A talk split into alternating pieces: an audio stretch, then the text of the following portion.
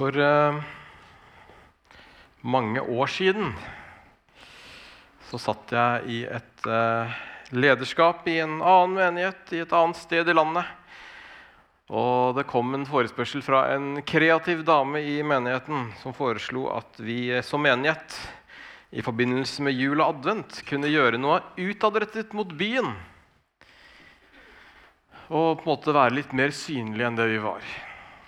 Etter en prat i lederskapet så fant vi ut at det var nok ikke tiden for det akkurat nå, fordi vi hadde, hadde litt nok med oss selv akkurat da. Og Det hørtes eh, veldig fornuftig ut husker jeg, når jeg satt der. Eh, og var enig i den avgjørelsen. Men i dag så hadde jeg nok vurdert det litt eh, annerledes. Og heldigvis så fikk den menigheten også erfare etter hvert at nettopp det beste botemiddelet mot det å ha nok med seg selv, det er nettopp å løfte blikket og tjene andre rundt seg. Det største hinderet for tjeneste og det å tjene andre det er ofte det at vi har nok med oss selv. Eller at vi tenker at vi ikke har noe å tilføre andre.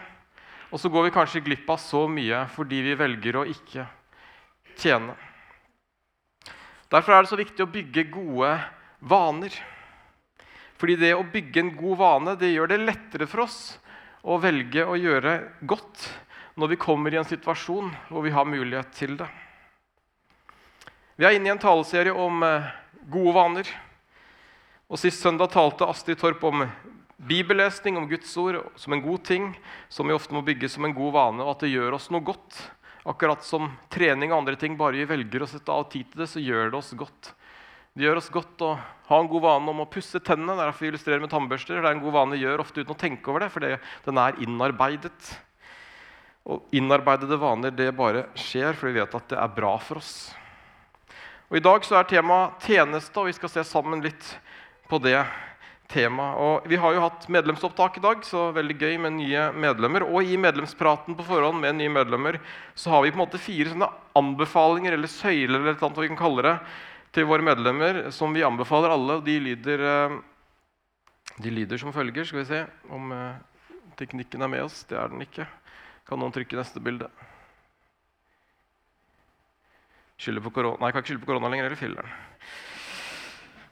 Ja, ja. Uansett. Eh, gå regelmessig på gudstjeneste, delta i en cellegruppe, ha en tjeneste og ha en givertjeneste. Er det fire vi anbefaler egentlig alle medlemmer å være med på. Vi tror at dette er fire gode vaner som vi kan ha i våre liv, og som kan hjelpe oss i vår relasjon til Gud og hjelpe oss i det å holde troen varm. Det å delta regelmessig i fellesskapet ved å komme på gudstjenester når man har mulighet til det, det er å bygge en god vane. Det å delta i en cellegruppe som samles i hjemmene ofte hver 14. dag, det å dele liv og tro sammen fast, det er en vane som gjør noe med oss. Det å ha en tjeneste i eller utenfor menigheten det kan også være noe som hjelper oss å holde fokus. Og det å ha en givertjeneste og ha, hjelpe oss å holde fokus i økonomien og i det materielle. Og gi fast. For menighet og menighetsfellesskapet det er noe vi gjør sammen.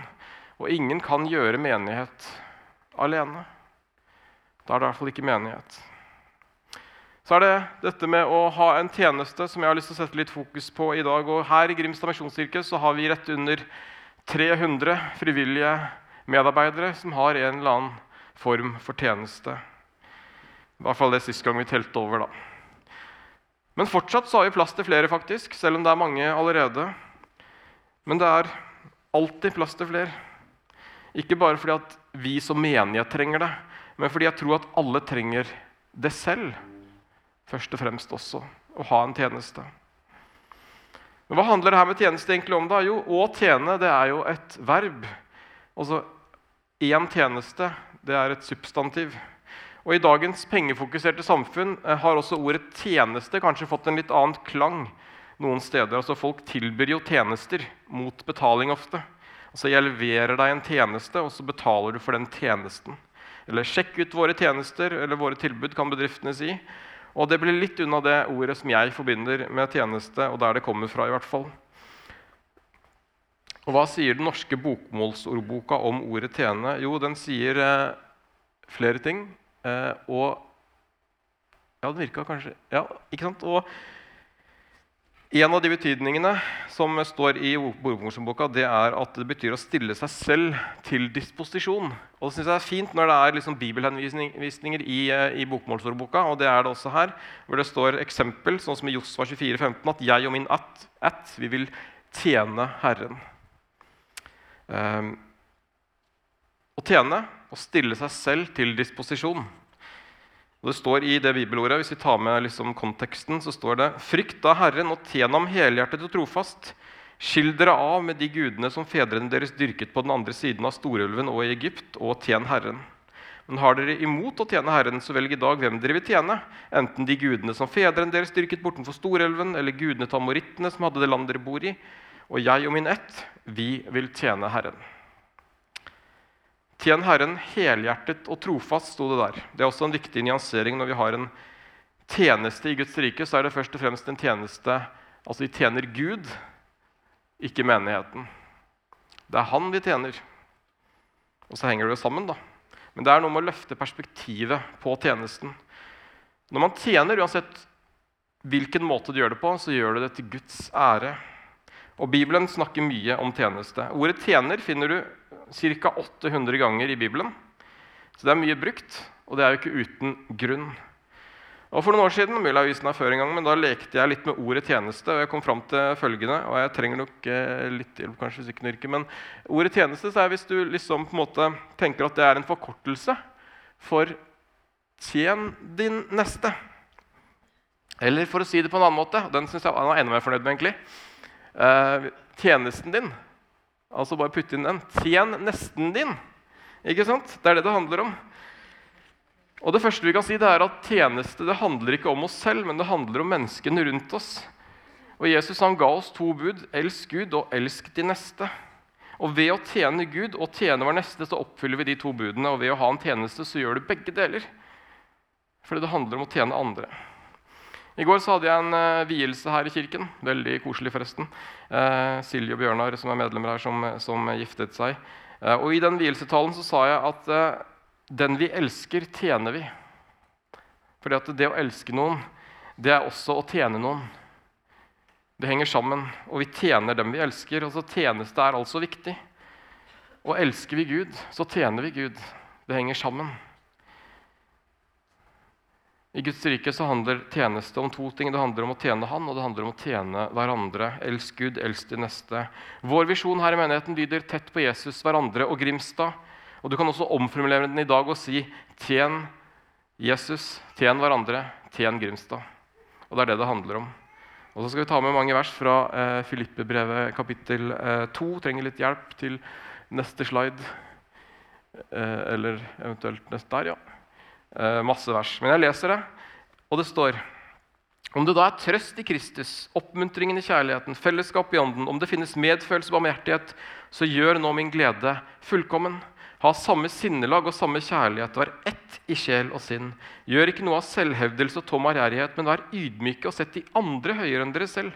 Tenk ikke bare på deres eget beste, men også på de andres, og vis samme sinnelag som Kristus Jesus. Han var i Guds skikkelse og så det ikke som et røvet gods å være Gud lik, men ga avkall på sitt eget, tok på seg tjenerskikkelse og ble menneskelik. Da han sto fram som menneske, fornedret han seg selv og ble lydig til døden, ja, døden på korset. Derfor har også Gud opphøyt ham til det høyeste og gitt ham navnet over alle navn. Jeg synes det er fint det står at Han ga avkall på sitt eget og tok på seg en tjenerskikkelse. Og Det er noe det tjeneste handler om. Det handler om å noen ganger kanskje gi avkall på sitt eget, eller kanskje gi avkall på den TV-serien eller gi avkall på noe du hadde tenkt å gjøre, som du heller kan gjøre noe for andre istedenfor. Gi avkall for uh, tre timer foran mobilen eller et eller annet for å kunne tjene noen som trenger det. Tjeneste handler om å ta på seg en tjenesteskikkelse og løfte blikket fra oss selv og se på andre mennesker rundt oss. Det betyr ikke at vi skal slite oss ut på å tjene og bare gjøre det, men jeg tror at når du finner den tjenesten også som passer for deg, så vil du bli oppmuntret og kanskje også kjenne på at dette er faktisk verdt det. Det betyr ikke at alt går som en lek, at det ikke kan være slitsomt og disse tingene. Men vi var villige til å kanskje gi avkall på noe for en tjeneste som jeg tror vil gi oss masse tilbake. Og hvorfor skal vi gjøre dette? Hvorfor skal vi tjene? Jo, om dagen så leser jeg en bok som heter veldig bra anbefales forresten, den heter 'Plastisk teologi'. Kunsten å forme livet av Stian Kilde Aarebrot. Den handler mye om dette med å bygge gode vaner i livet og vanens makt. Og Han skriver bl.a. i den boka at all erfaring tilsier at det er ikke nok å putte sunn info inn i hodet for at det skal komme sunnhet ut i andre enden. Til det er de eldre hjernedelene våre altfor ustyrlige. De hører ikke på sunn fornuft alltid, men de hører på sunn praksis. Forskningen viser at hjernen vår er plastisk, altså den er formbar. Og langt mer formbar enn tidligere antatt. Det vi gjør, former måten vi tenker på, i langt større grad enn motsatt. Og det syns jeg er veldig interessant. Det vi gjør, det former måten vi tenker på. Det er lett å tenke at det er omvendt, at når vi hører noe, så former det hva vi gjør. Men forskning viser altså at det, det er lettere egentlig i den andre verden. Vi hører, at vi hører gjør noe, og så endrer det måten vi tenker på. Eller vi kan si det på en annen måte. Hvis vi tar neste bilde, så er det en som har sagt det veldig fint, en som heter Henry Noven. Han har sagt eh, at uh, du tenker deg ikke frem til en ny måte å leve på, du lever deg frem til en ny måte å tenke på. Det var egentlig en oppsummering av det samme. Derfor så blir det å bygge gode vaner rundt en tjeneste og det å praktisere troen det blir viktig fordi det former oss. Og det hjelper oss til å på en måte vokse i troen, det å gjøre. Og Det er interessant å lese om Jesus når han kaller disiplene. så er det ikke snakk om at nå skal dere først eh, bli undervist av meg i tolv måneder, og så skal vi gå, begynne forsiktig ut og, og praktisere. Men det er gjennom praksisen, med én gang, at disiplene blir disippelgjort og blir disipler. Kom og følg meg, sier Jesus. Og Hvis du ser på evangeliene, gjennom alle evangeliene, så inviterer Jesus hele tiden til en praktisk tro. Kom, følg meg. Den som hører mine ord og gjør etter dem, sier han. Det er de som bygde på fjell. Elsk hverandre, dere skal gjøre større ting enn det jeg gjør. Og, så og praktiseringen av troen er så viktig. Og det å ha en tjeneste om god vane hjelper oss å praktisere troen vår. Og det gjør også noe med måten vi tenker på, ifølge Henry Noven. Og så tar disiplene det videre, det Jesus lærte dem. Og vi leser om de første kristne i apostelgjerningen 2 at de, de gjorde menighet. De praktiserte kirke. De bygde gode vaner på den måten at de delte brødet i hjemmene. De møttes regelmessig. De sang sammen. De levde ut troen før de hadde fått på plass alle detaljene om hva de tenkte om troen. Altså 3000 mennesker ble døpt og lagt til menigheten første pinsedag. På pinsedagen. Og så begynte de bare å leve ut livet i menigheten. De måtte ikke gå tolv måneder på bibelskole et eller annet for å kunne bli medlem i menigheten. De ble lagt til menigheten samme dagen. Og så, så, ble troen til mens de praktiserte den, mens de levde den ut, mens de gikk sammen med disiplene som hadde gått sammen med Jesus, og som hadde lært av hverandre. Og kanskje så har vi mistet noe av det dynamiske der i dagens menigheter og fellesskap. Og han Kilde Aarbrot skriver også i denne boken at 'jeg lengter etter en kom og se-kirke' som er full av praksiser, og som inviterer folk til å ta del i dem lenge før de har fått troen helt på plass. Menigheter som gjør tro, inspirert av mesteren som viste oss hvordan. Så folk kan teste ut den kristne levemåten. For tro formes først og fremst gjennom å være sammen med andre kristne og gjøre det andre kristne gjør, sammen med dem. Jeg synes Det er godt skrevet. Og jeg også lengter etter en kom og se-kirke hvor du kan få lov til å være med. En praktiserende menighet. Jeg tror det er så mye gull i dette, og viktig. Og I Jakobs brev så står det jo mye om tro og gjerninger. og at det hører sammen. Og Jakobs brev blir jo ofte sett på som en litt sånn motsetning til Paulus, som stadig maler om at det, det hviler jo ikke på gjerninger, det er alt av nåde. Og Paulus har så rett i at frelsen hviler ikke på gjerninger. Den er kun av nåde, kun av tro. Men Jakob snakker ikke nødvendigvis om frelsen, som det ofte misforstås i disse versene, men han snakker om hvordan gjerninger former troen. Og derfor blir gjerningene også viktige. Og Det står i eh, Jakob 1, 22-27 eh, at dere må gjøre det ordet sier, ikke bare høre det, ellers vil dere bedra dere selv. For den som hører ordet, men ikke gjør det ordet sier, han ligner en mann som ser på ansiktet sitt i et speil. Han ser på det, går sin vei og glemmer straks hvordan han så ut. Men den som ser inn i frihetens fullkomne lov og fortsetter med det, blir ikke en glemsom hører, men en gjerningens gjører. Et slikt menneske skal være lykkelig i sin gjerning, og en gudsdyrkelse som er ren og feilfri for Gud, vår Far, det er å hjelpe enker og foreldreløse barn i deres nød, og ikke la seg flekke til av verden. Hvis vi bare hører, så glemmer vi mye fortere. Det viser jo all forskning. Det vi hører og gjør, eller praktiserer, det hjelper oss å lære mer, og det former oss på en annen måte enn å bare høre, høre, høre. Ord kan være fint. Det kan bety mye. Men det former oss ikke på samme måten som det vi gjør. Tjeneste er ofte praktisk. Det handler ikke bare om å tjene hverandre her i menigheten, men det handler også om å tjene byen. Det handler om å hjelpe enker og foreldreløse barn i deres nød. Det handler om å gjøre godt, det handler om å bry seg, det handler om å tjene nabolaget der du bor. Det handler om å tjene de du møter på din vei, på butikken, på jobben, på skolen. På ferien, til og med. Og Hvorfor har vi menighet hovedsakelig? Er det for oss som går her? Er det for andre? Ja, Det kan jo diskuteres, sikkert, men menigheten skal jo først og fremst være et redskap for å forkynne Guds ord til verden rundt oss. Det var det som var i hvert fall intensjonen. Men jeg tror også at menigheten har en viktig funksjon når det hjelper å hjelpe oss i tjenesten og gi oss kraft og frimodighet.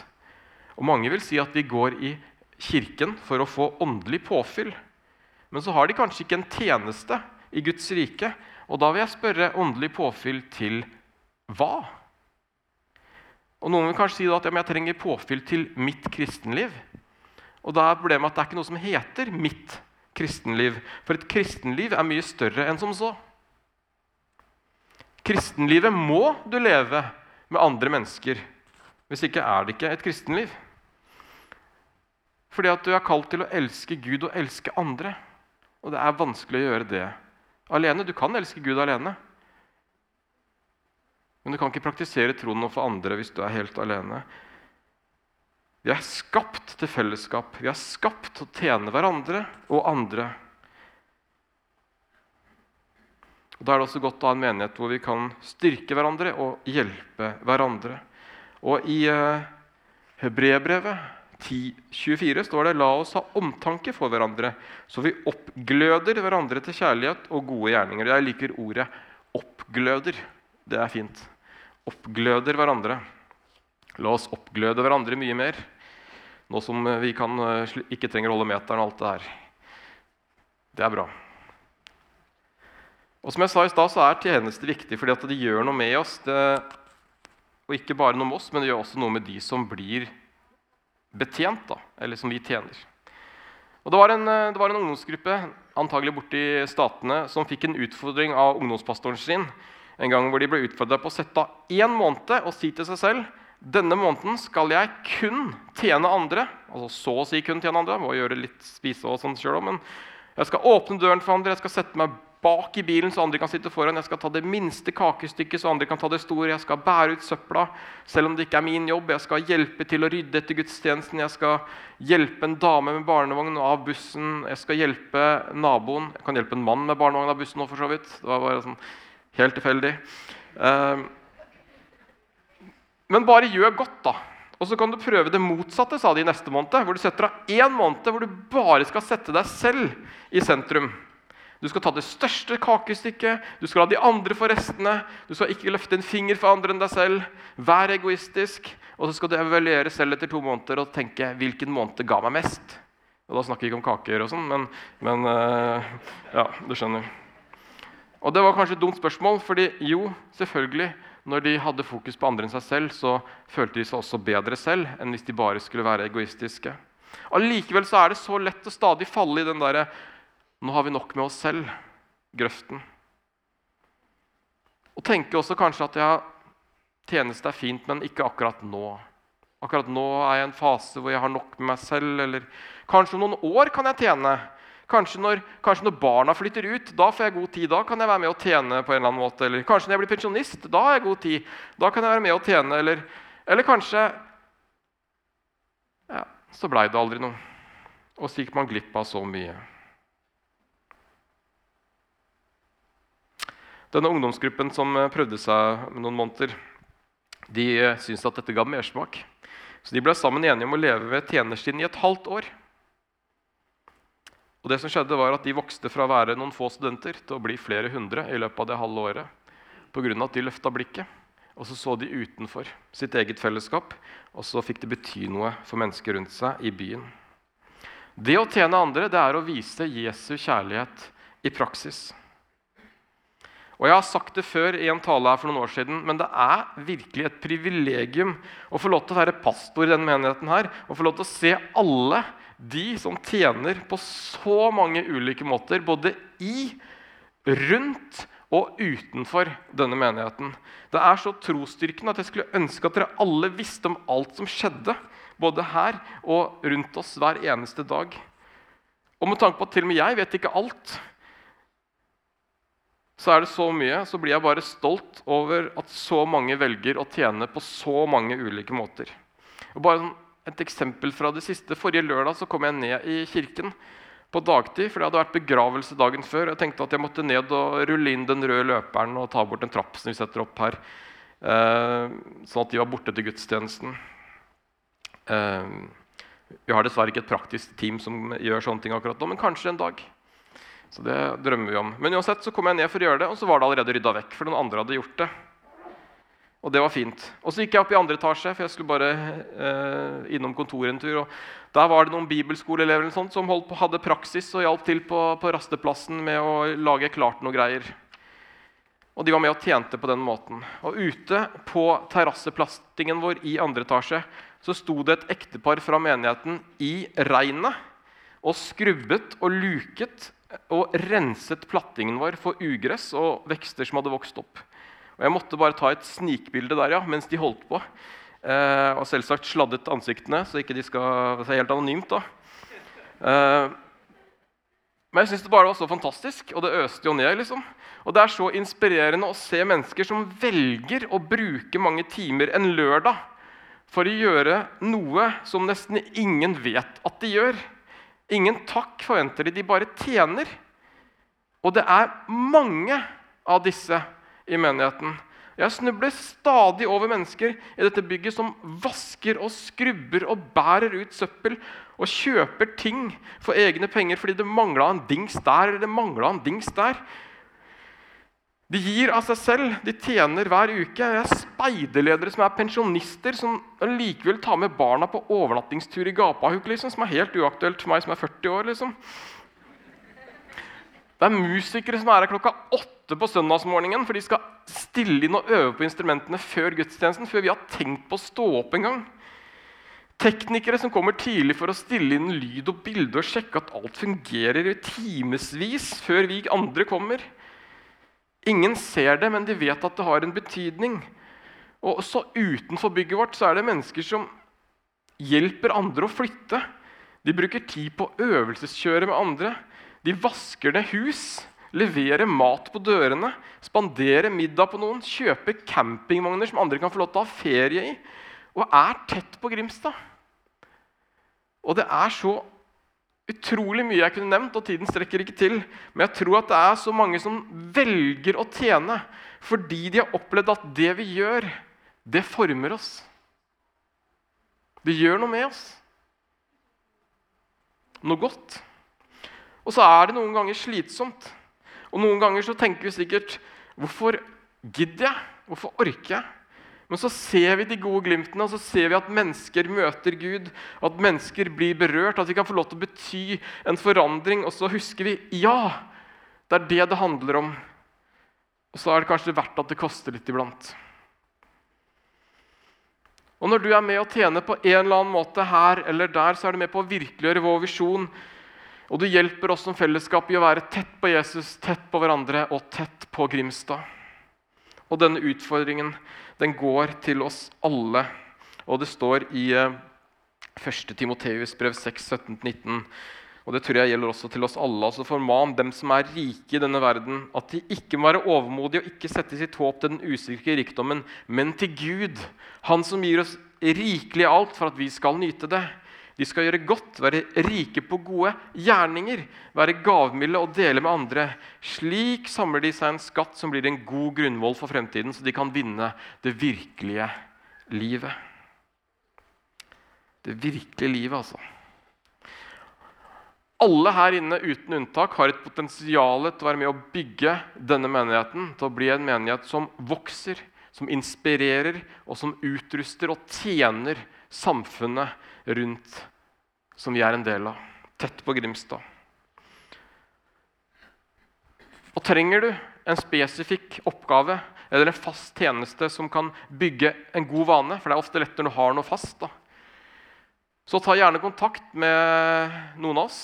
Eller ta med deg en av våre medarbeiderbrosjyrer. Det ligger en del av de ute i foajeen. Det er ikke alt som er like oppdatert etter korona av tjenester, men den gir en god pekepinn, og det står en del ting her om hva som er mulig å være med på.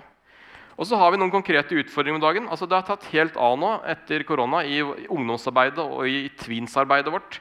Over 70 ungdommer på Power Station sist gang, og de skriker etter flere trygge, gode ledere.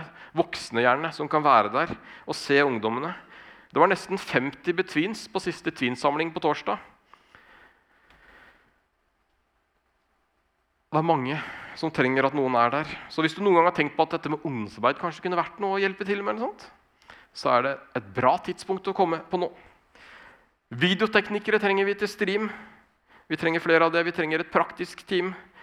Og vi kommer også til å legge ut noen mulige tjenester eh, på Facebook-siden vår Folk i Grimstad misjonskirke. Og hvis du ikke er med i Facebook-siden Folk i Grimstad misjonskirke, bli gjerne med på den. Der legger vi også ut en del sånne interne ting og litt om tjenester og forskjellig. Det er mange muligheter, i hvert fall, så det er, ikke, det er ikke det du skal stoppe. At ikke du fant noe som passa for deg i denne menigheten. Yes, Vi eh, nærmer oss slutten. Men jeg vil avslutte med en kort historie om hvor lite som skal til noen ganger. Kan hende jeg har delt den før, men jeg synes den er veldig fin. Eh, hvis kanskje du kjenner at ja, jeg kan ikke gjøre så mye pga. sykdom eller på grunn av alder eller på grunn av andre ting som tar fokuset ditt, så er det godt å vite at det er ikke så mye som skal til noen ganger for å kunne tjene de rundt deg. Og En av mine forbilder er en som heter Charles Haddon Spurgeon.